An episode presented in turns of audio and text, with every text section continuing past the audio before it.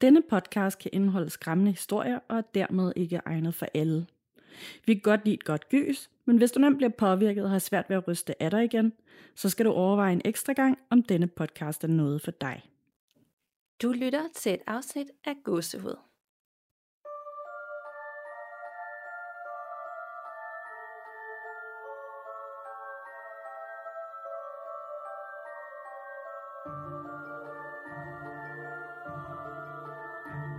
Hej Dorte, Hej Nana. og hej til alle, der sidder og lytter med, og velkommen til episode 120. I dag der øh, er Danika simpelthen på ferie, så jeg har inviteret Dorte med i studiet. Og Dorte, jeg tror, at der er rigtig mange af vores lyttere, der også kender dig. Du har nemlig også en podcast, der hedder Fortællinger i mørket. Mm, det har jeg, ja. Ja, jeg kunne rigtig godt tænke mig at høre lidt mere om dig selv til at starte med. Altså, øh, hvem er du, og, øh, og hvad er din sådan interesse og, og din ja, hvad man kan sige, erfaring og oplevelser med det overnaturlige? Ja. Jamen, øh, jeg har jo altid været lidt det her mærkelige barn, øh, som, øh, som har haft lidt den her interesse for hekse og spøgelser, og gik og snakkede om alle de her mærkelige ting, og jeg legede med mine venner nede i skoven. Altså dem her, som alle andre ikke kunne se. øhm, altså, det skulle ikke, fordi jeg ikke havde venner, som også kunne ses, men altså, jeg havde de her ekstra venner nede i skoven, som jeg gik ned og legede med, og havde det ganske fint med. Øh, sådan altid fortalt min mor og far og andre mennesker omkring de her ting, jeg følte og så, og det var ikke noget, der sådan blev øh, godtaget eller godkendt. Det var sådan noget mærkeligt noget, så det snakker vi ikke om. Nå, Så det er egentlig sådan noget, jeg fik lagt lidt bag mig i rigtig lang tid, indtil jeg fik en veninde, som havde de samme interesser. Så vi kaldte os hekse og lavede potions og alle sådan nogle mærkelige ting.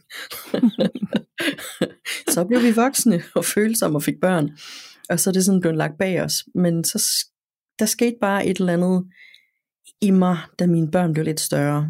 Kunne mærke, at der var et eller andet, der manglede, og det var som om, at jeg hele tiden følte, at der var et eller andet inde i mig, der ikke blev fyldt op. ja, altså ja, til at starte med, der synes jeg, det er lidt sjovt, at du siger det der med, at du var det, det lidt mærkelige barn. øhm, fordi det var jeg jo også selv, og jeg har lige også haft talt med Mia fra podcasten Fucking Uhyggeligt, som også var et af de der mærkelige børn. Øhm, det er lidt sjovt, at der er rigtig mange af os, der interesserer os for det her, ikke? Ja. Jeg tror måske bare, vi er nogle lidt søgende mennesker. Ja, og så tror jeg, at øh, jeg tror dem, der, der har de her interesser, og jeg tror, de har en eller anden fornemmelse for barns ben af. De har måske lige lidt, øh, lidt flere sanser ude og, og mærke efter.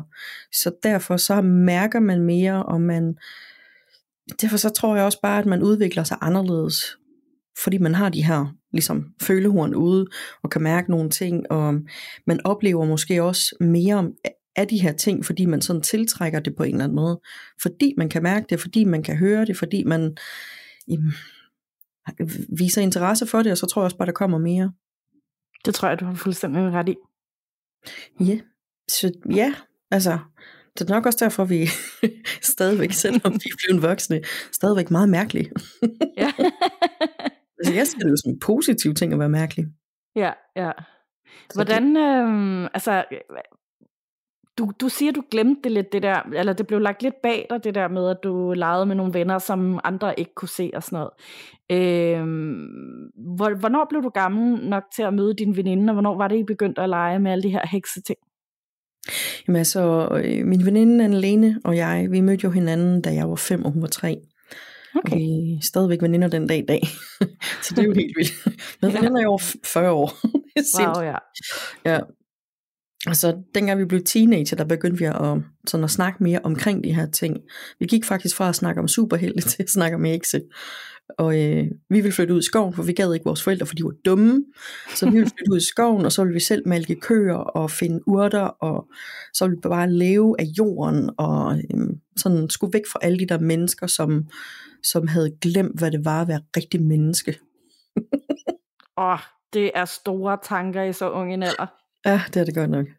øh, men vi har sådan, begge to kom fra, fra to familier, som, som måske øh, ikke var som de fleste, og havde lidt problemer, og man manglede lidt den der støtte hjemmefra. Så vi havde hinanden, og vi havde naturens, og alle de her væsener, og hvad vi nu kunne mærke derude. Ja. Så det var i stedet for. Det lyder også dejligt. Ja. Kan, du, kan du egentlig huske nogen specifikt øh, af dine venner, øh, som andre ikke kunne se? Var der, er der nogen af dem, der sådan særligt kan huskes? Ja. Så jeg havde den her, jeg havde den her ven nede i, i skoven, som ikke lignede mennesker, men var sådan lidt mere, altså sådan lidt mindre, og, og sådan spidse ører, og sådan, måske det, man ville se som en, en fe, eller en trold, eller, eller hvad det nu var. Øhm, hmm. Men ja, jeg tænkte jo ikke over, at det var anderledes. For mig var det en, en meget naturlig ting, at, at han var der. Ja. Og fortalte mig ting omkring naturen, og, og fortalte mig om dyrene, og og alle de ting, man ikke kunne se og sådan noget. Det er interessant. Ja, det er lidt interessant. Ja, og så det er det. Jeg, øh, jeg havde sådan en kvinde, som hele tiden var omkring mig, sådan en ung kvinde i starten af 20'erne, og øh, ikke sådan rigtig tænkt over, hvem det kunne være, før jeg blev ældre, for det gik egentlig op for mig til sidst, at det nok har været min afdøde mor. Mm. Som var min usynlige ven. Og hun døde, da jeg var halvandet. Ja. Så jeg har ikke kendt hende. Jeg har kun set billeder af hende. Og kan du huske, hvordan hun så ud, også da hun fulgte dig? Jamen, hun var jo den her, sådan, ligesom mig, en lidt fyldig kvinde. Øh, ikke særlig høj. Hun var 1,49, så det var virkelig ikke særlig høj. Nej. Mørkt hår, sådan skulder langt, lidt, lidt længere end skulder langt. Og med de her mørke øjne, ligesom jeg også har. Og men hun var sådan lidt, altså vi, vi kaldte hinanden for tvillinger. Nå. Fordi jeg følte egentlig sådan lidt, hun var min tvilling, men folk siger jo også, at jeg har jo aldrig kendt hende, så jeg ved jo ikke noget om det, men, men når folk har snakket med mig, så har de altid sagt, at ej, du minder også bare sådan om din mor. Ja. Så af mange grunde, så giver det mening på en eller anden måde. Ja, det gør det. Hvordan føler du, hun stadig er med dig i dag, eller gav hun ligesom slip på et tidspunkt? Øh, jeg har jo faktisk set hende øh, igen, da jeg var voksen. Fordi på et tidspunkt, der... Altså, jeg er sådan lidt nørd. Jeg sad og spillede World of Warcraft sammen nede i kælderen, da, da, jeg var, da jeg var på barsel og havde fået min yngste, øh, Ashley. Og hun lå i sådan en weekendseng og sov. Og så når hun havde de her, fik de her lurer, så kunne jeg jo sådan sætte mig og nørde lidt. Og jeg sidder og spiller, og lige pludselig får jeg sådan lidt en fornemmelse af, at der sker et eller andet over ved den her weekendseng. Og så tror jeg, det er Ashley, der er vågnet. Så jeg kigger over, for lige at se, om hun er begyndt at røre på sig. Men der står en, en kvinde i sådan et lidt dæmpet hvidt lys. Øh, som om, at, at hun er lyset på en eller anden måde. Mm. Og hun var jo præcis det her billede, som jeg kan huske fra da, da jeg var lille. Øh, den her lille kvinde i sådan en hvid kjole, mørkt hår, og så kigger hun op fra Ashley, og kigger hen på mig og smiler, og jeg får sådan lidt en fornemmelse inde i, at, at hun er stolt, og jeg ved bare med det samme, at det er min mor, så jeg var ikke sådan bange, man får lige sådan en chok, okay, der mm. står sådan en eller anden halvgennemsigtig, der lyser, øh, lidt mærkeligt, men, men jeg var ikke bange, fordi der var sådan ro over det, og sådan en kærlighed, så det var mm. en virkelig, virkelig smuk oplevelse. Det lyder virkelig også som et rigtig rørende øjeblik. Jamen det var det. Helt vildt, og det er virkelig noget, jeg har... Det, jeg, jeg er så glad for at have fået det, fordi så vidste jeg, at hun var omkring mig. Ja. Og jeg bruger hende tit som... Hun kommer sådan til mig en gang imellem lidt som en rådgiver øh, og en, en beskytter, sådan får lige en nus på kinden, eller kommer til mig en drøm og kommer med noget guidning omkring mit liv. Så det er jo fantastisk. Det må man sige. Det er dejligt, at hun stadig kan være med på den måde. Ja, det er skønt. Ja. Det er jeg i hvert fald glad for. Det kan jeg godt forstå. Ja. Er der noget bestemt, der gjorde, at, øh, at du ligesom begyndte at føle, at der manglede noget, da du selv fik børn? Jeg har bare altid haft sådan en fornemmelse af, at der var et eller andet inde i mig, der var tomt. Hvis du forstår, mm. hvad jeg mener. Ligesom ja. om der var et eller andet, der skulle fyldes op, og hele vejen igennem mit liv blev ved med at tænke, Nå, men det er nok fordi, jeg skal finde en eller anden hobby. Nå, men det er nok fordi, jeg skal have den her uddannelse. Jeg skal nok have fundet en kæreste. Jeg skal nok have fundet en mand, jeg skal nok giftes. Det skal nok være fordi, at, øh, at det ikke er den rigtige mand, jeg er sammen med. Og så fandt jeg jo så min mand, som jeg er sammen med i dag. Og der var jeg jo slet ikke i tvivl om, jeg viste mig det samme, at vi sådan mødtes, vi skulle være sammen resten af livet, og det var jeg overhovedet ikke i tvivl om. Mm. Har så også været sammen i 25 år nu, så det, og vi er snart 50 år gamle, så det er jo næsten halvdel af vores liv, ikke? Den er vi at være der. Ja, det må man sige. øhm, men, men jeg følte aldrig, at det der, det blev fyldt op. Og så tænkte jeg, det må være, fordi jeg skulle have børn. At så var Ja. der et eller andet, der skete inde i mig. Men det føltes stadigvæk tomt, som om, at man ikke hørte til på en eller anden måde. Og selvom man var sammen med mennesker, som man sådan holdt af, og man vidste, at de holdt af en, så følte man sig stadigvæk ikke som om man hørte til. Man følte sig udenfor, man følte sig som om der var det her tomme hul inde i, der bare ikke kunne fyldes ud. Mm. Og jeg, og jeg kunne slet ikke, jeg, jeg forstod slet ikke, hvad, hvad det var, og jeg forstod ikke, hvorfor det skulle være på den måde. Og jeg gik hele tiden og håbede på, at jeg fandt lige præcis det her, der skulle ske. Mm. Og så siger min mand til mig en dag, jeg har set i lokalavisen, at der er en eller anden, der holder sådan noget, øh, sådan noget åben hus, for at man kan komme ind og prøve nogle forskellige ting af med det der paranormal, du er så interesseret i, siger han. Skal du ikke prøve det? og det tog jeg så afsted til. Og jeg kommer ind ad døren nede ved den her dame, der holder det. Og lige da jeg kommer ind ad døren, står jeg sådan lidt og kigger på hende, og siger, Gud, har jeg ikke, har jeg ikke mødt dig før? Og hun siger, jo, jo, i et tidligere liv. Og så står man sådan lidt der, som første gang man sådan rigtig har næsen i det på en moden måde. Og tænker, okay, det er lidt mærkeligt det her. Men der var bare sådan en instant connection hos hende, og også med de andre, som så alle sammen valgte på et tidspunkt at tage det her kursus, jeg også tog, hvor man lige får dyppet næsen lidt mere i, hvad er healing, hvad er tarotlægning, hvad er clairvoyance, og alle de her forskellige ting, man kan lave. Og øhm, så var det som om, at der begyndte at ske et eller andet inde i mig. Det var som om, at det her hul, jeg havde haft hele tiden, det begyndte at blive fyldt lidt op. Og jeg kan mærke, at det bliver sådan fyldt mere og mere op for, for jo mere ting, jeg sådan kan få næsen ind i, hvis du forstår, hvad jeg mener. ja, jeg forstår udmærket. Jamen det kan godt være, at det lød så lidt vævende, men øh, ja, jeg prøver på at få det ud, som min hjerne den giver mig det. det er ikke Ja, ja. altid, folk kan følge med så. Øhm, men jo, så skete der virkelig noget i mig, jeg kunne mærke, at, at det her det var rigtigt. Jeg Ja. kunne mærke, at det var som om, at jeg havde gået og prøvet at være en anden hele mit liv, end den jeg egentlig var, og at jeg lige pludselig havde fundet, hvem jeg var. Så jeg følte mig lige pludselig ægte. Og jeg følte, at jeg ikke behøvede at have en maske på, fordi jeg lige pludselig havde fundet det, som, som var mit inderste jeg. Og da jeg så Mm. begyndte mm. at, at leve efter det, så skete der bare noget i mig. Så følte jeg mig faktisk fuldendt. Det Så det er en jo- vild udvikling. Ja, det, det Og er det. øh, du er jo også gået rimelig meget all in på det nu. Du laver jo også en podcast, som hedder Fortællinger i mørket. Kan du fortælle lidt om, øh, hvad den handler om, og, og hvorfor du startede med at lave den? Jo, øh, corona. Ja. Nej, altså sådan helt fra start, eller sådan helt øh, bundlæggende, så har jeg været radiovært i otte år, Mm-hmm. hvor jeg laver sådan en almindelig øh, lokal radio, hvor jeg bare sidder og spiller musik, og øh, ævler en hel masse, og håber folk gider at høre på det. øh, og så begyndte jeg, jeg, havde, jeg, jeg kendte faktisk ikke en disse til podcast før det. Nej. Men så var der folk, der var begyndt at snakke om det her med Mørkeland, og så tænkte jeg, nå, det kunne godt være, man skulle prøve det der podcast noget. Øhm, og jeg lyttede også til det et stykke tid, men så fandt jeg den her podcast, der hedder Two Girls, One Ghost, hvis du kender den. Den kender jeg. Ja, amerikansk, og I love it.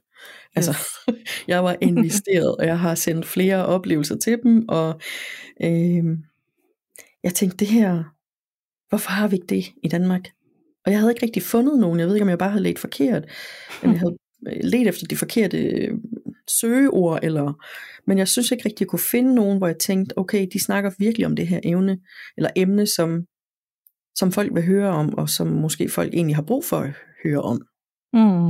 Øhm, og gik og tænkte på det, og jeg gik og bryggede på det et halvt år, og havde lavet navnet, havde lavet Facebook-siden var, var også blevet meldt til inde på Spreaker og alt det her, men kunne ikke tage mig sammen. Jeg blev bare ved med at lytte til alle andres podcasts. Mm. Og så tænker jeg, dengang der kom corona, det er jo ikke fordi, jeg ikke har haft arbejde under corona, fordi jeg har jo, jeg arbejder jo som social- og sundhedshjælper, og øh, der har været nok at lave. Mm. Men det er jo de der timer om aftenen, når man kommer hjem, og man egentlig ikke lige bare kunne tage ud og lave et eller andet. Øhm, så jeg tænkte, nu må jeg tage mig sammen og gøre noget ved det. Og så satte jeg mig ned og tænkte igennem, hvad mit koncept egentlig skulle være, for det skulle ikke bare være som alle andres. Mm. Jeg skulle gerne have et eller andet specielt, som kunne give folk et eller andet. Så jeg besluttede mig for, at det her med spøgelser og alt det her, der er omkring det paranormale, er jo noget, der skræmmer rigtig mange. Så jeg besluttede mig for, at jeg var nødt til at prøve at afmystificere det lidt, så folk ikke er bange for det. Mm-hmm. Så samtidig med, at folk får lidt et, et gys, fordi jamen, det, det, det, som der gør andre folk bange, det gør jo tit ikke mig bange. Så, så jeg kan godt høre på det hele, når jeg tænker, at det her, det, det synes folk ikke er noget, de bliver bange for. Men alligevel, når de så øh, fortæller bagefter, okay, jeg var lige ved at stikke af, dengang jeg hørte det her, eller der kom den her lyd, fordi det var simpelthen bare sådan en stemning, ikke? Øhm, Ja. så jeg sådan prøvede at gøre det sådan lidt med gys, så folk de gider høre det. Men så samtidig med sådan en underliggende, det her behøver du ikke at være bange for.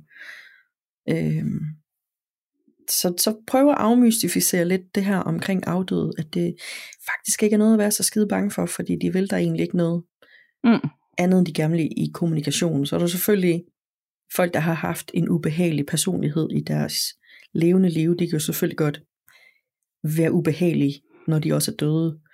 Øhm, men altså sådan, for at prøve at gøre det lidt mere spiseligt. Yes. Er du så, hvad, hvad er din holdning til, altså fordi vi har jo talt med flere andre, Mm. øhm, som også er i det her miljø, øh, det paranormale og i det spirituelle miljø, øhm, og der er rigtig mange af dem, der, øh, der mener, at der, der slet ikke eksisterer ondskab. Hvad, hvad er din holdning til det? Hmm.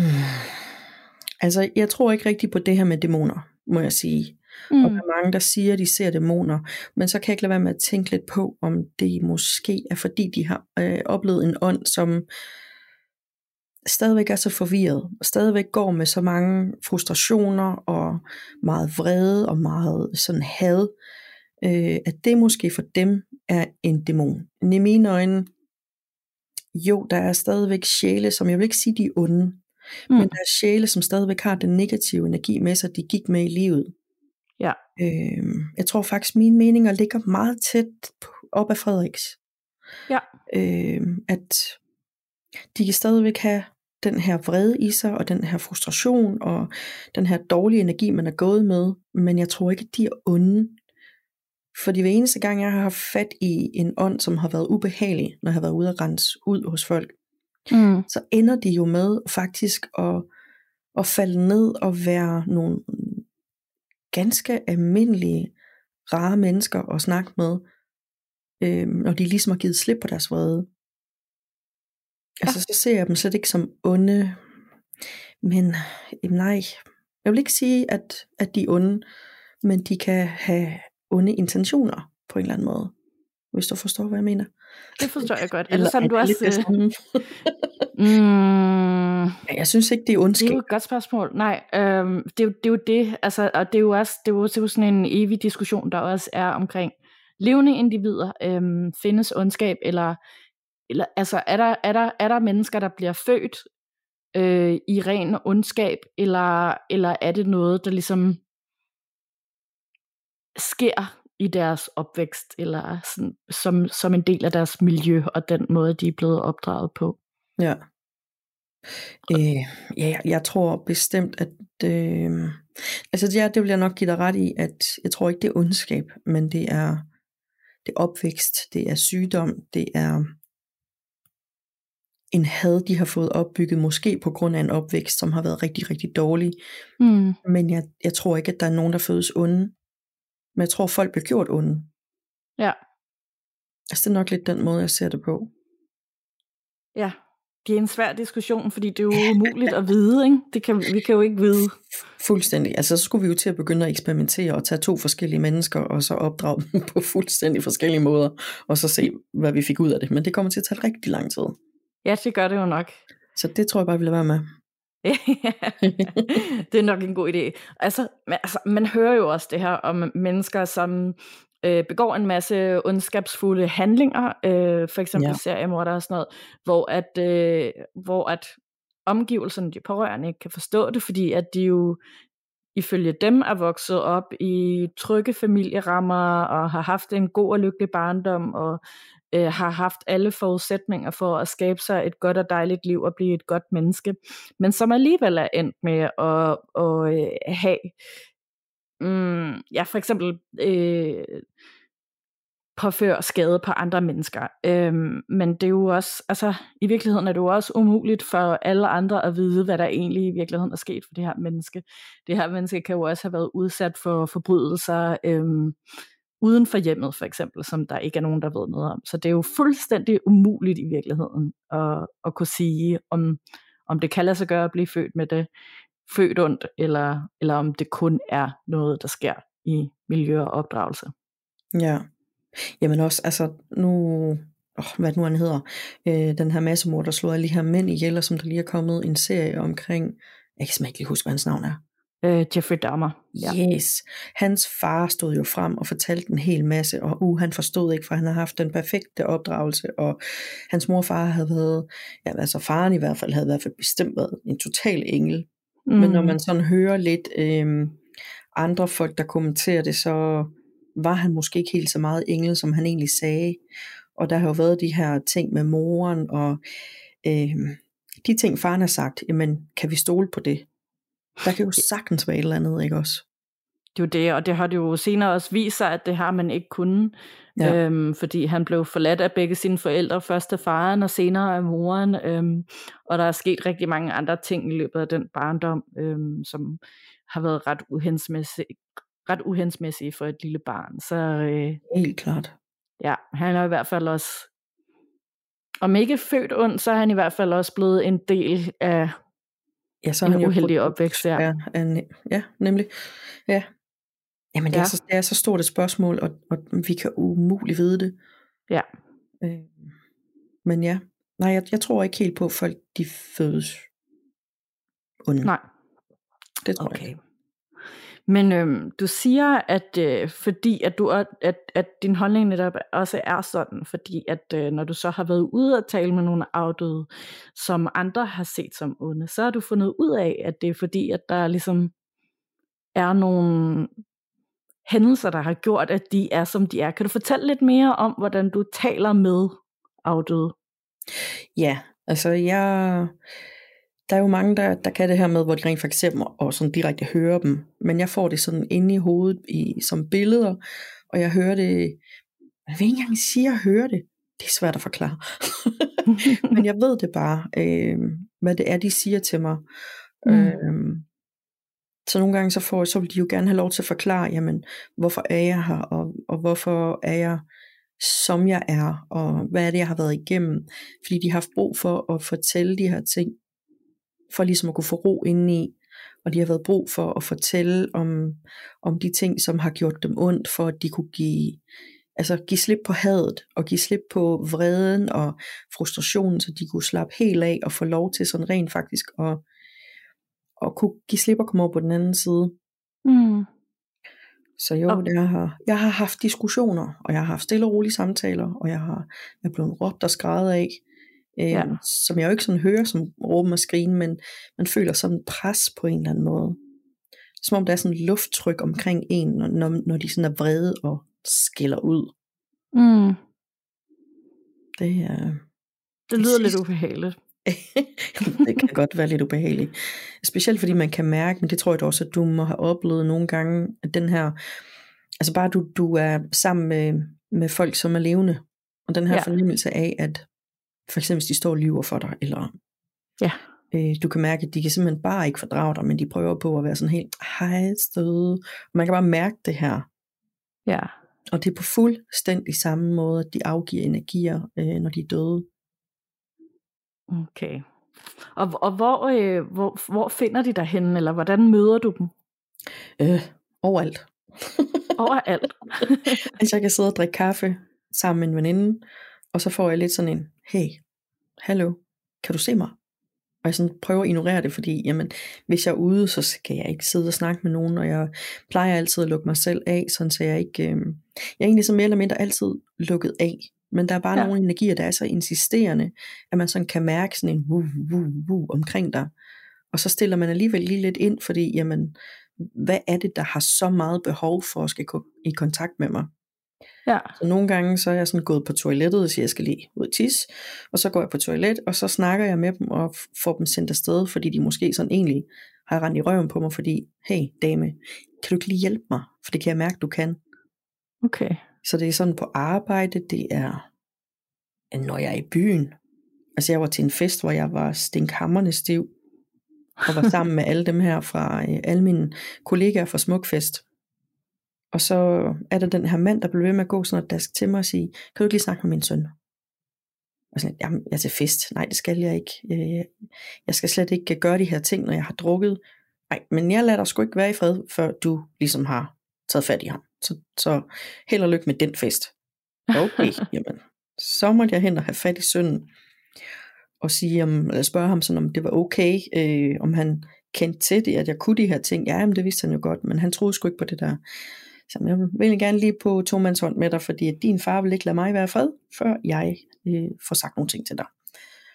Og øh, resten af den aften, den endte med, at sad og trøstede den her mand, som oh. endelig fik øh, de her ting igennem, som han havde gået og håbet på, at han egentlig havde fået igennem sin far, men, men faren aldrig noget at sige.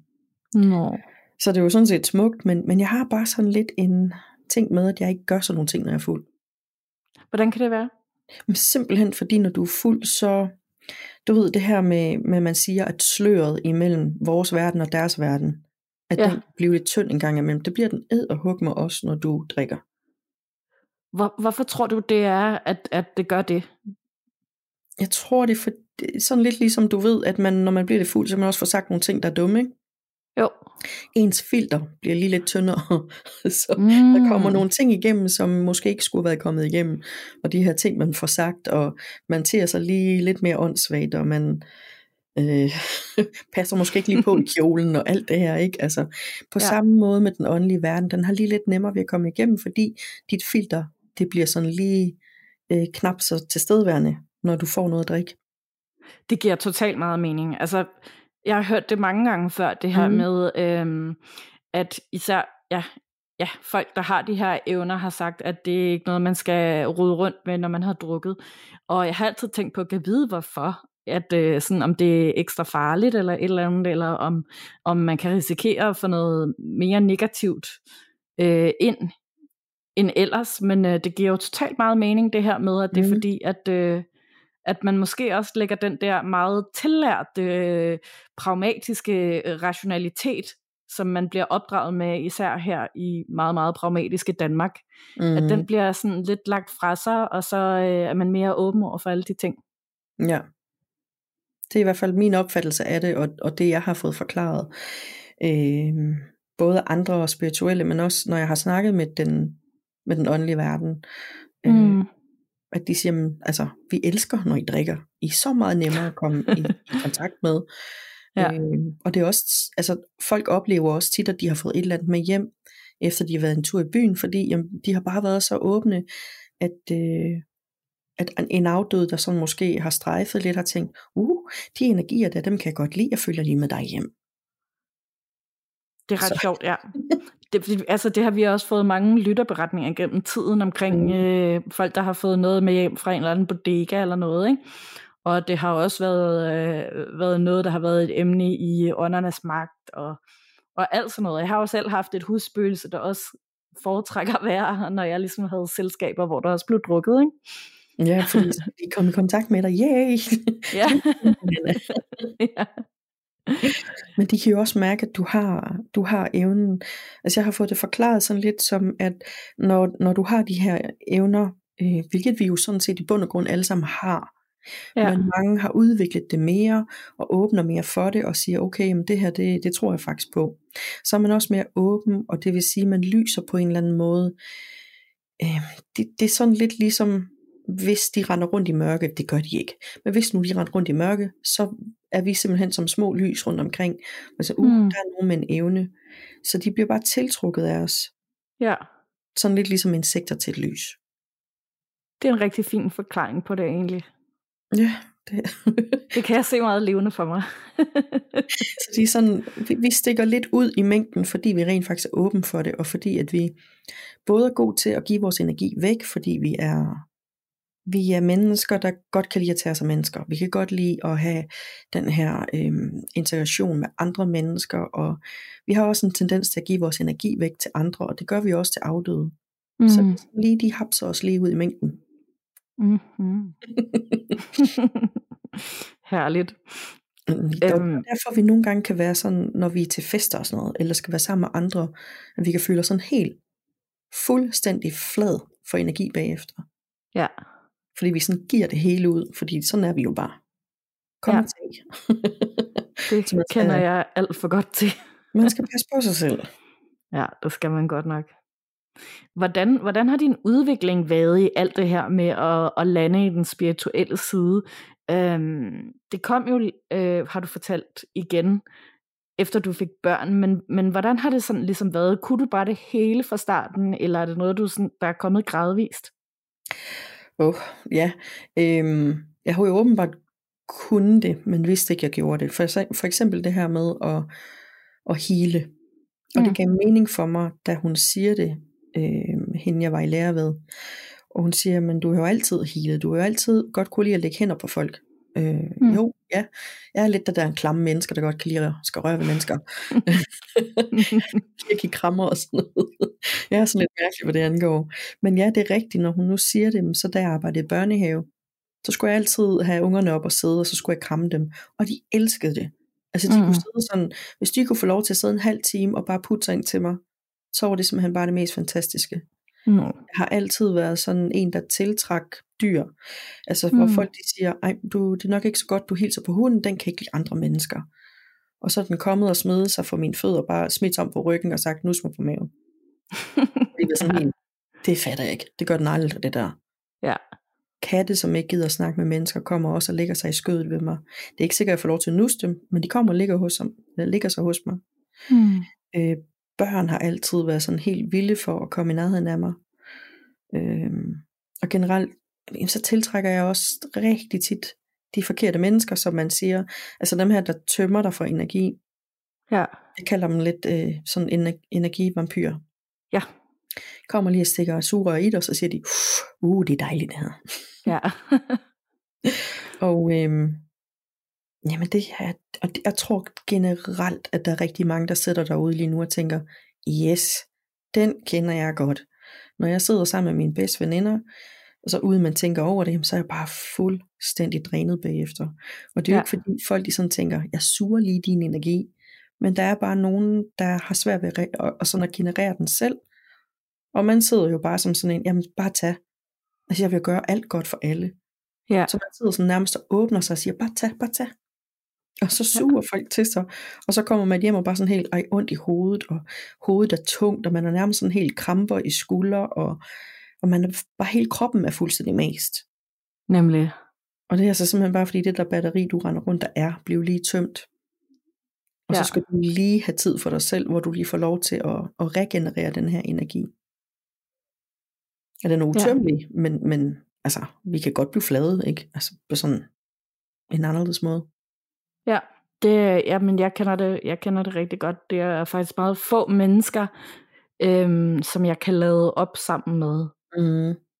Ja. Jamen, og jeg kender også godt til det der med at være dyrenes bedste ven. og det er jo dejligt. Altså det er jo simpelthen ja. skønt. Vi var det er, i, ja, det er det virkelig. Vi var i zoologisk have på et tidspunkt, og der var sådan en bur, hvor du kom ind til fuglene, hvor de sådan fløj rundt om dig, og, og de sådan, altså de store fugle gik rundt imellem en, og der ja. var en, der var sådan så fokuseret på mig, og blev ved med sådan at gå efter mig. Jeg kunne ikke få lov til at gå ud igen. Der blev ved med sådan at stille sig ind foran mig, som du kan godt glemme det. Du bliver Ja. bare lige her. Og jeg var sådan, begyndt sådan på nippet at blive lidt nervøs for, om jeg blev et lige om lidt. for den følte mig hele tiden. ja, Men øh, nej, den skulle bare lige kigge på mig, og så bare lige være tæt på mig. ja, Men jeg blev sådan lidt nervøs, for den var ret stor. Den var næsten lige så stor som mig. ja. det kan jeg godt forstå, du var rimelig nervøs over. Du bliver lige der. Hold det nemt for dig selv. Ja. Ja, ja, jeg har også præsteret at tæmme øh, en venindens meget store, overvægtige sorte kat, som var aldeles hissig og ikke bleg for at øh, flænse vores andre veninder. Men af en eller anden grund, når jeg var til sæde, så blev den altid en helt fjollet lille kattekilling, der lå og rullede rundt på ryggen og skulle nusses og alting. Mm. Jamen, den kan mærke den kærlighed, du går med, og den kan mærke den blide energi, du har.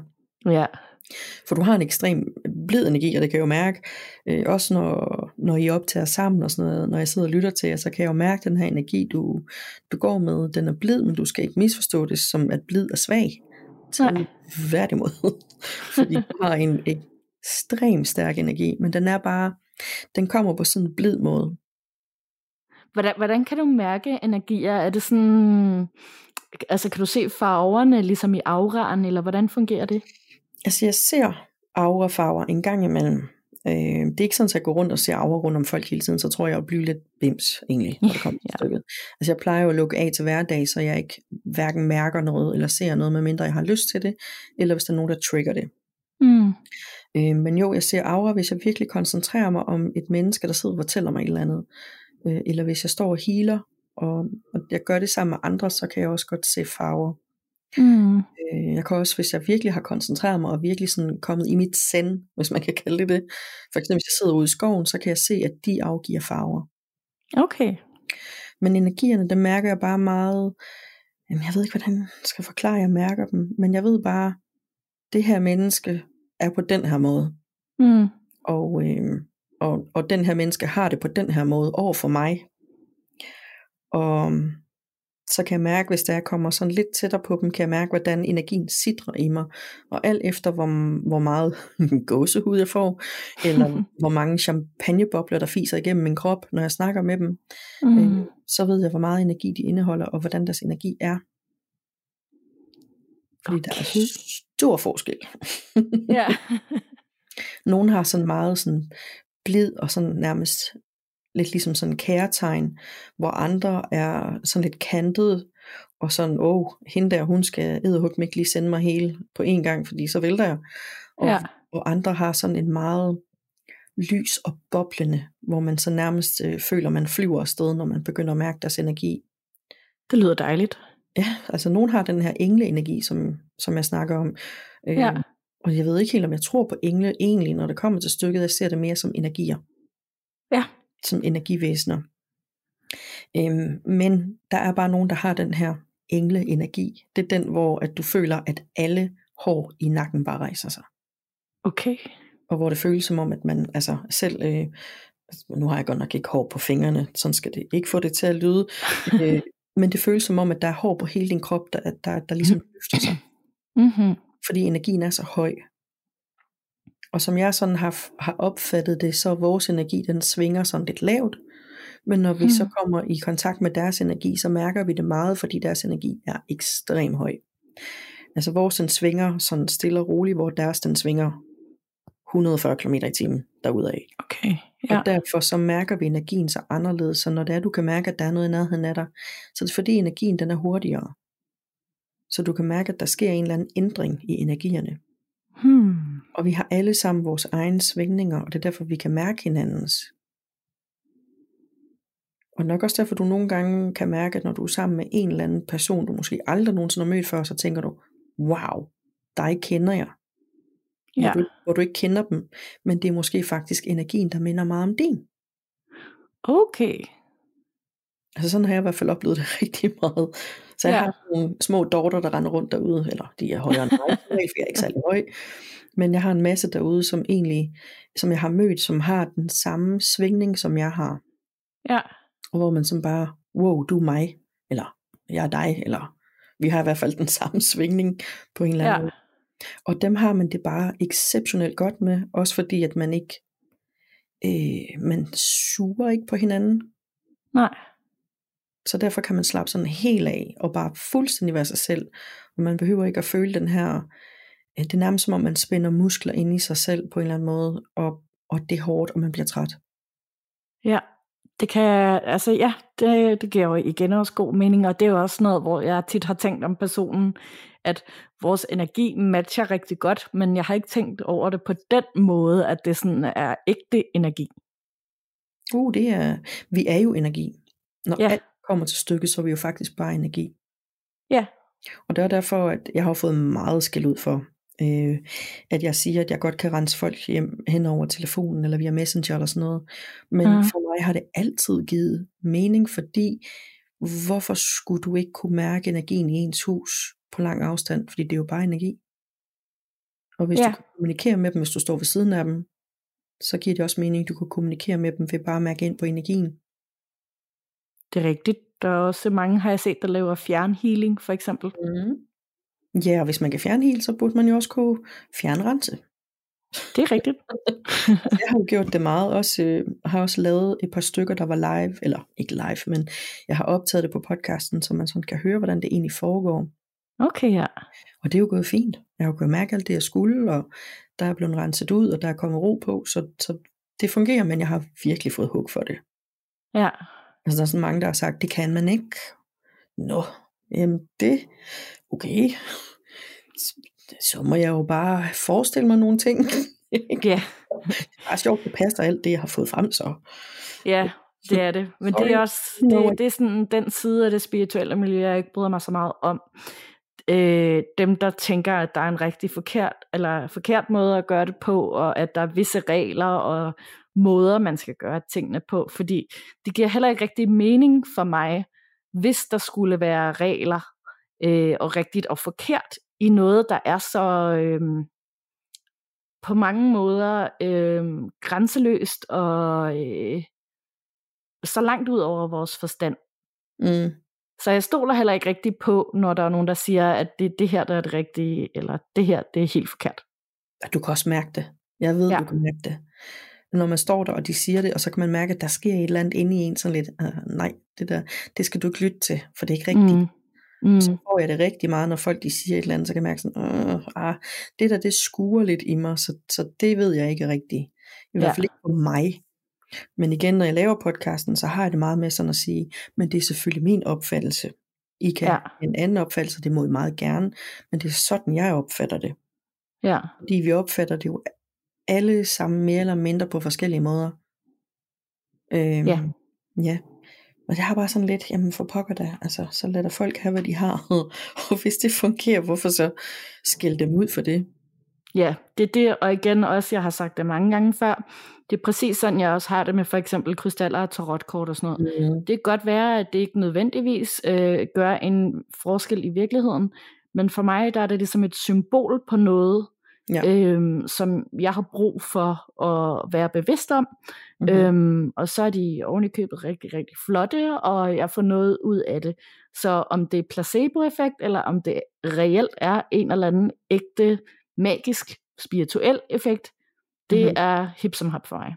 Jamen det er jo fuldstændig lige meget, bare det virker. Ja, Altså det er ligesom, hvis øh, der er mange, der har sagt, jamen når der er du healer folk, så går de jo bare hjem og tror, det virker. Jamen er det ikke fuldstændig lige meget, hvis det virker så? Ja Så har nemlig gjort et eller andet for dem. Øh, fordi de går Ja. hjem det bedre. lige præcis. så, så kan det vel være fuldstændig lige meget, om det er placebo eller hvad det er.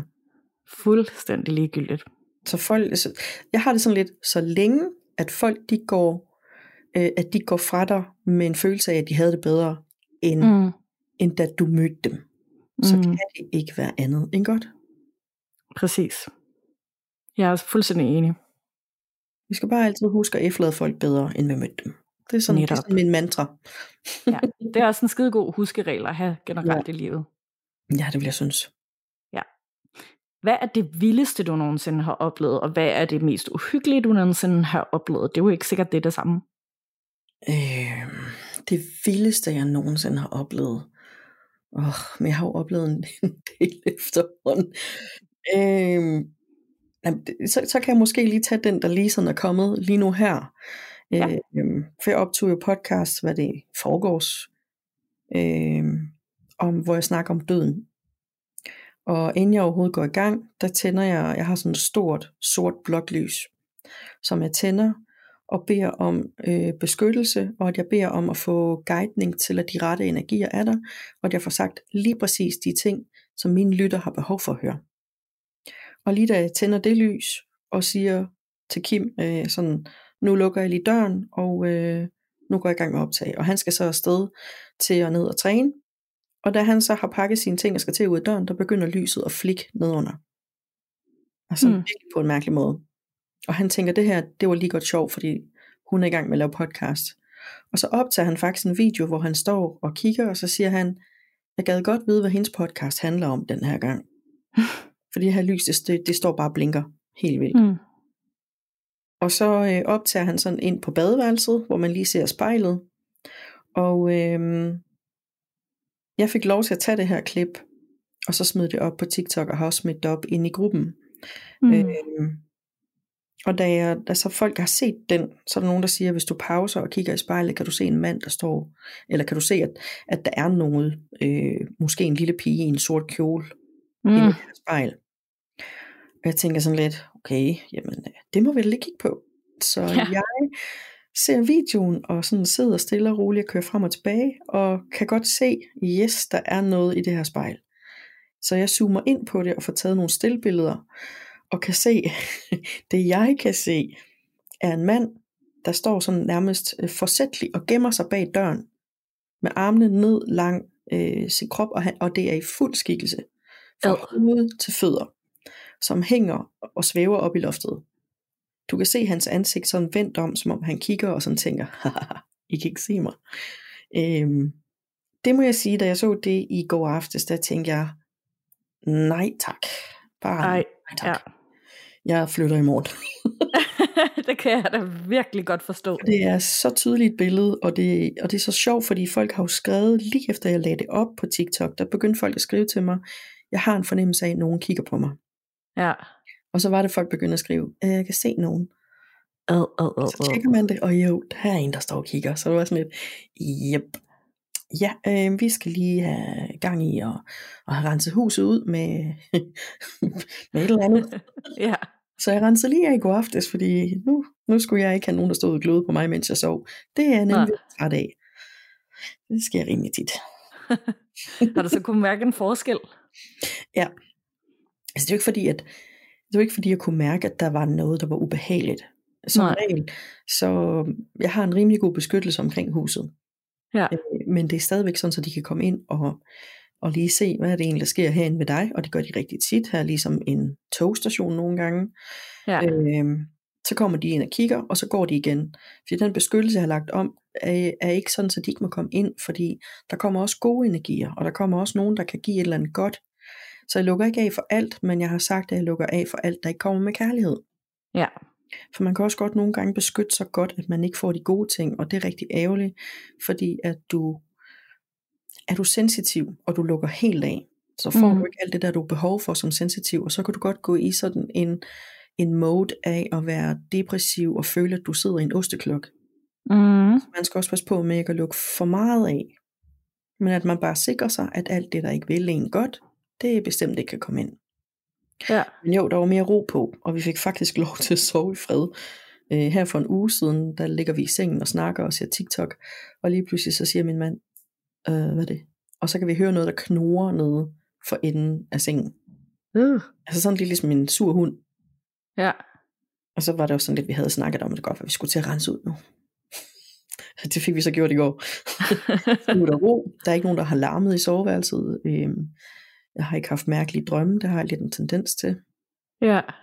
Så det var nok godt nok lige at få renset lidt ud. Og, Det lyder ungerne- som om, det var en rigtig god idé. ja. Men nogle også sådan, lidt, "Prøv lige ud og tjekke, at der ikke er nogen mand ude i spejlet. ja, det kan jeg virkelig godt forstå. Men de var alle sammen, altså vi har jo en, øh, en ung pige, som bor lidt ved os, øh, og hun har sådan lidt fuldt, hun har jo sådan været en bonuspige hos os. Ja. Hun har sådan lidt fuldt alt det her med, hvad der er sket, og hun er jo nogle gange blevet skræmt fra videre sandt, og vil Ja. bestemt ikke sove hos øh, Ashley, min veninde, øh, hende. min datter, jo, som så har været hendes veninde gennem næsten hele livet. Ikke? Og hun Mm. synes godt nok nogle gange, så var det lige lidt for spooky, jeg vil godt hjem, og det skal være nu. Ja. så vi har måttet køre hjem klokken lort om natten, fordi at der var et eller andet, som måske har krasset på døren, selvom alle kattene var udenfor. Og, Åh, ja. og der har altid været lidt. Vi har ikke øh, kedet os. Nej, men sådan er det vel også, altså når man har de her evner, ligesom du har, at så, så kommer det jo bare, det kan man ikke rigtig øh, altid gøre så meget ved. Nej, og det tror jeg da også selv, at du, at du kan mærke, fordi jeg ved, at du selv har evnerne. Mm. Ja, altså det ved jeg ikke, om jeg har, altså det har jeg faktisk altid været i tvivl om, fordi at, øh, øh, altså jeg har aldrig været sådan super, altså tænkt, at jeg havde nogle evner, øh, og jeg har været til mange klaverjancer, og der er kun en, der har sagt, at hun mente, at jeg havde en, en, en evne til at hele, Mm. Mm. Øhm, men jeg, altså jeg ved da, at, at, øh, at ja, for eksempel sådan noget med, at jeg har den her connection til dyr, og at jeg også sagtens kan mærke andres folks stemninger og alt sådan noget, ikke? mm. og bliver meget påvirket også af lyde, lugte, øh, lys og, og alt sådan noget. Ja. Øhm, men, men altså, ja, det er ikke sådan, at jeg føler, at jeg har nogle evner, eller også så, så har jeg i hvert fald bare ikke dyrket dem nok, eller lært at bruge dem. Altså når jeg ser dig for mig, og det er sådan, jeg plejer at måle det på, Mm. så kan jeg se, at dine hænder lyser, så du, har, du er helt bestemt healer. Mm-hmm. Øh, men jeg ser også, at, øh, at dit pande lyser. Okay. Som sådan et tredje øje, du ved, øjet vi har heroppe. Det ser jeg som sådan lysende øh, et øje. Og Ja. øh, det fortæller mig, at du har evnen, men jeg tror, du er for bange til at bruge det. Mm.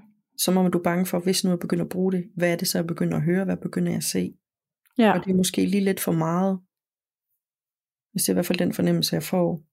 Fordi udvikler du det mere, så kan du selv sidde og fortælle de her ting. Mm. For det ligger Aha. i dig. Ja. Helt klart. Du er jo også begyndt at, altså jeg har jo sådan fuldt lidt med, jeg synes det er spændende at se, hvor du er landet i din, i din udvikling. Ja. Jamen altså, jeg har også gået, altså nu har jeg jo også, øh, jeg har lige siddet og lyttet igennem de her videoer, du sendte til mig, øh, har det været sommeren 2021, Ja. hvor at jeg følte, at, at jeg var øh, et sted, i, hvor jeg, eller jeg følte, at jeg stod stille, og at øh, livet ligesom bare passerede forbi mig og sådan noget. Der var du rigtig sød og sendte en masse videoer til mig. Øhm, omkring, at det ikke nødvendigvis var øh, universet, der testede mig, fordi det var sådan lidt det, jeg følte på det tidspunkt. Sådan, der er for mange udfordringer, jeg kommer ikke nogen vejen, og hvad gør jeg her? Mm-hmm. Øhm, og jeg føler måske egentlig, at jeg på mange måder er samme sted. Der er sket en masse ting siden i mit liv øh, øh på privatfronten, øh, at jeg for eksempel er kommet i et forhold, og jeg har startet på et studie. Men på mange måder føler jeg også, at jeg mentalt øh, ikke er et ideelt sted. Så, øh, så det er måske også derfor, jeg ikke har så meget overskud til ligesom at, at dyrke resten af det spirituelle, selvom det måske egentlig burde være det rigtige tidspunkt at gøre det på. Ja, altså man skal jo i hvert fald, man skal ikke, hvis man føler, at man ikke er mentalt stærk, og man føler måske, at man er lige et sted, hvor man føler sig lidt på, på bølgende grund, så det er måske ikke der, man skal begynde at lege med, med afdøde, fordi det kan Mm. virkelig æde ens energi, hvis ikke man passer på. Mm. Der er noget farligt i det, men det farlige i det er, hvis man skal sige det på den måde, det er, at, at det, kan, det kan simpelthen bare suge din energi så meget, at du kan blive fysisk syg af det. Mm. Altså jeg har været ude og rense øh, et hus på et tidspunkt, og jeg passede ikke godt nok på mig selv, og jeg var måske ikke lige der, hvor jeg skulle være mentalt. Så jeg, jeg, jeg fik simpelthen sådan 14 dages influenza, hvor jeg bare var syg syg. Mm-hmm. Fordi Ja. min krop bagefter sådan skulle, okay det her du har været i, det skal vi rense ud. Så jeg blev ja. bare møgsyg. Men Ja. det lærer man meget hurtigt. det kan jeg godt forestille mig, og det, det, sådan har det også været med alle mulige andre ting, for eksempel at være social og sådan noget, hvor at jeg netop Mhm. også har haft de der 14 dage efterfølgende, øh, hvor jeg også skulle, øh, ja, hvor jeg har været syg og har været nødt til at, at ja, regenerere mig selv. Ja. Øhm, men, men hvordan kan man sådan egentlig, eller hvad foreslår du, at man kan gøre, hvis man føler, at man har lukket sig selv for meget ned, øhm, sådan så man kommer ind i den der lidt depressive, nedtrykte tilstand. Hvad kan man gøre for at åbne lidt mere op igen? Altså for det første, så er det bedste du overhovedet kan gøre, det er at være sammen med andre, som har den samme overbevisning. Fordi mm-hmm. der, der får du lige lidt af energien tilbage, og man, laver, man kan jo godt koge lidt sup på sig selv, hvis man kan sige det. Ja. Øh, det er i hvert fald sådan, jeg plejer at sige det, fordi man kører lidt i sin egen energi, man kan godt blive sådan lidt plumret. Så man har brug mm. for at være sammen med andre, som har de samme energier, den samme overbevisning, og hvor man sådan kan bytte lidt energier, så man får øhm, renset lidt op i ens pluder. Man, mm. ja, det er sådan lidt mærkeligt måde at sige det på, men det er sådan, jeg egentlig ser det. Ja. Øh, men det du også kan gøre, jeg mener, du har sagt, du mediterer. Kan det ikke passe? Jo. Og det er en god ting at meditere, om det så er at sidde ligesom alle andre, øh, viser det med at sidde i lotusstilling, eller om du bare ligger der ned, eller om du sidder der med strikketøj og bare lader tankerne flyve. Ja. Øh, det er jo meditation det hele, hvad det angår, når, når du kan give slip Fuldstændig ja. slukke kontakten og bare mærke indad. Det er mm. meditation. Øhm, og så har jeg en øvelse, som, som jeg har øhm, sådan, øh, givet mine elever og hjulpet dem igennem de første par gange. Men hvor man sætter sig og sådan fuldstændig ro, du må også ligge dig ned selvfølgelig, det er man behøver ikke at sidde, men nogen mener, at det aligner ens øhm, chakra bedre. Det ved jeg mm. ikke, jeg synes, de aligner ganske fint, hvis du ligger ned. øhm, men så forestiller du dig, at du ser dine chakra farve for farve op igennem kroppen.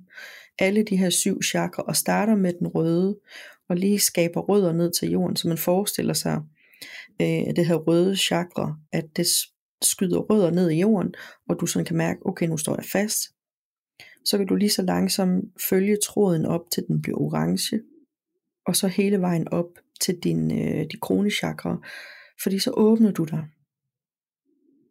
Og når mm. du så er færdig med den her meditation, og du kan mærke, at nu sker der mere, øhm, så kan du sådan sige en bøn, og den kan du selv lave.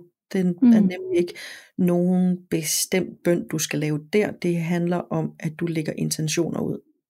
Mm men hvor du for eksempel siger, nu har jeg åbent alle mine chakra, jeg vil gerne have, at de flyder godt igennem, og jeg vil gerne have, at kontakten opad til, til universet, den forbliver, men at jeg får det i de portioner, jeg kan tåle.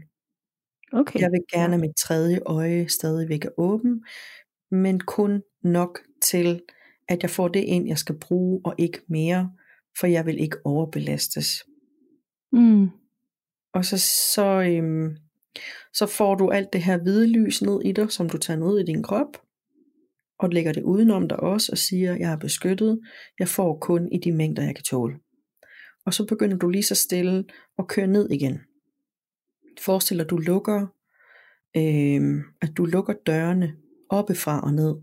Så du lukker døren til det hvide, og det lilla, og det blå, og det grønne, det gule, det orange, og så det røde, og så husk at sige tak til universet, fordi at de var der og støttede dig, og fordi de fortsat støtter dig. Så har du fået åbnet dem, du har fået det hele til sådan at køre i de energier, de skal, og så kan du sådan køre videre, men uden at være totalt lukket. Men stadigvæk mm. nok lukket til, at du ikke får det, du ikke har brug for. Så den er egentlig meget simpel, og der er ikke noget farligt ved at gøre det. Tværtimod, hvis man gør det en gang imellem, så bliver man lige alignet, og man får det bare bedre i sin krop. Mm. Jeg synes, det virker som en rigtig dejlig øvelse. Jeg kunne ligesom være med hele vejen også, øh, mm. og forestille mig, hvordan det vil være at lave den, og hvordan jeg ligesom ser det der forskellige lys op igennem chakrene og sådan noget, og mm. den der dejlige fornemmelse af ligesom at lukke det hele nedad igen. Ja. Øhm, det synes jeg er en rigtig dejlig øvelse. Jeg håber også dem, der sidder og lytter med derude, øh, eventuelt vil huske på den og, og komme tilbage til den og lytte til den igen.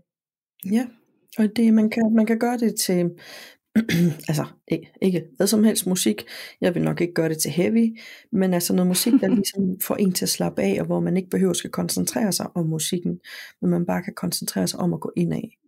Ja. Og det er egentlig det, det handler om. Kom tilbage til din krop. Helt sikkert. For vi kan godt flyve lidt rundt en gang imellem og være rodløse, og så har vi det ikke godt. Nej. Det er og rigtigt. Eller føle os, føle os ligesom mig, at man øh, bare sidder fast et eller andet sted, og ikke rigtig kan rykke sig nogen steder. Og det er ikke lige så fedt. Nej. Men, men det handler tit, ligesom også jeg sagde i de der video der, at når man nogle gange med føler, føler sådan, at okay, nu sidder jeg fast, jeg kommer aldrig videre. Det er måske mm. overhovedet ikke det her, jeg skulle, så jeg kan garanteret det ikke alligevel. Så skal man lige cool down, fordi det handler tit om, at din, øh, din energi, din krop har brug for lige at, og sådan lige, at det skal have lov til lige om, øh, at sætte sig. Det skal have lov til at Ja. det skal have lov til lige at komme ud og, og sådan lige marinere lidt, så Ja. du får det ordentligt lavet, før der kan komme mere ned, fordi vi kan jo heller ikke blive ved med at hælde vand i et glas, uden at det løber ud. Og så får man bare ikke noget ud af det. Man er ligesom nødt til sådan lige at lade det falde på plads, og lade det bundfalde sig, og så kan man begynde at hælde mere oveni. Og nogle Mm. mm. gange, der har man bare behov for, hvis man for eksempel lige har haft noget nyt. Hvis nu du har arbejdet med din tarotkort, Mm. og lært noget nyt, så skal det lige have lov til at bundfælde sig. Øh, du skal lige have lov til at gå i dybden med det. Du skal lige have lov til sådan egentlig at nørde lidt mere i det. Og det er Mm. universets måde at sige, mm, nej, nej, nej, nej. Du, du er ikke færdig med det her endnu. Du skal lige gå lidt dybere med det her, fordi der er mere at lære. Ja. Så det er sådan lidt en, du har brug for en pause, træk vejret. Ja. Og Så det, er er også fordi rigtigt. man fast. Det er faktisk fordi, du er nået langt, når du når dertil. Ja. det er dejligt. Ja. Vi skal til at runde af for i dag, Dorte, men det har været virkelig en fornøjelse at tale med dig, og dejligt lærerigt, og jeg synes, vi skal tale igen Jamen, en anden gang. Ja, Det var super hyggeligt og dejligt at måtte være med. jamen det har været en fornøjelse. Det kan være, at vi skal lave en omgang øhm, rundt om bålet til din podcast en anden gang. Åh, oh, det ville være lækkert. Det vil jeg gerne. og øh, det er i hvert fald også nogle øh, afsnit, i det hele taget kan jeg anbefale alle afsnit i Dortes podcast, som hedder Fortællinger i mørket. Øhm, så skynd dig ind og lyt til den, hvis ikke du allerede har gjort det, og øh, du kan også finde Dortes gruppe på Facebook, som også hedder Fortællinger i mørket, mørket podcast, hvor der også bliver lagt en hel masse fede ting ud, og vi har også nogle genganger fra vores gruppe, så der bliver også lavet en masse flotte tegninger af Allan for eksempel. Ja. Og du er jo også på TikTok, som vi ikke er, og øh, der har vi også fået rigtig mange anbefalinger fra vores lyttere om, at man skal følge dig på TikTok. Hvad er det, du hedder på TikTok? Det er FIM podcast. FIM Podcast. Tællinger i mørket, bare lige slået sammen. FIM. Yes. Yes. Så øh, der er altså rigtig meget at tage fat i der, til, Ja. øh, til jer, der ikke kender Dorte i forvejen. Og øh, ja, så, øh, så er der ikke andet end at sige tak for snakken, Dorte. Jamen lige måde. Tak for Nana. Og pas på, man ved jo aldrig, hvad der gemmer sig bag den næste dør.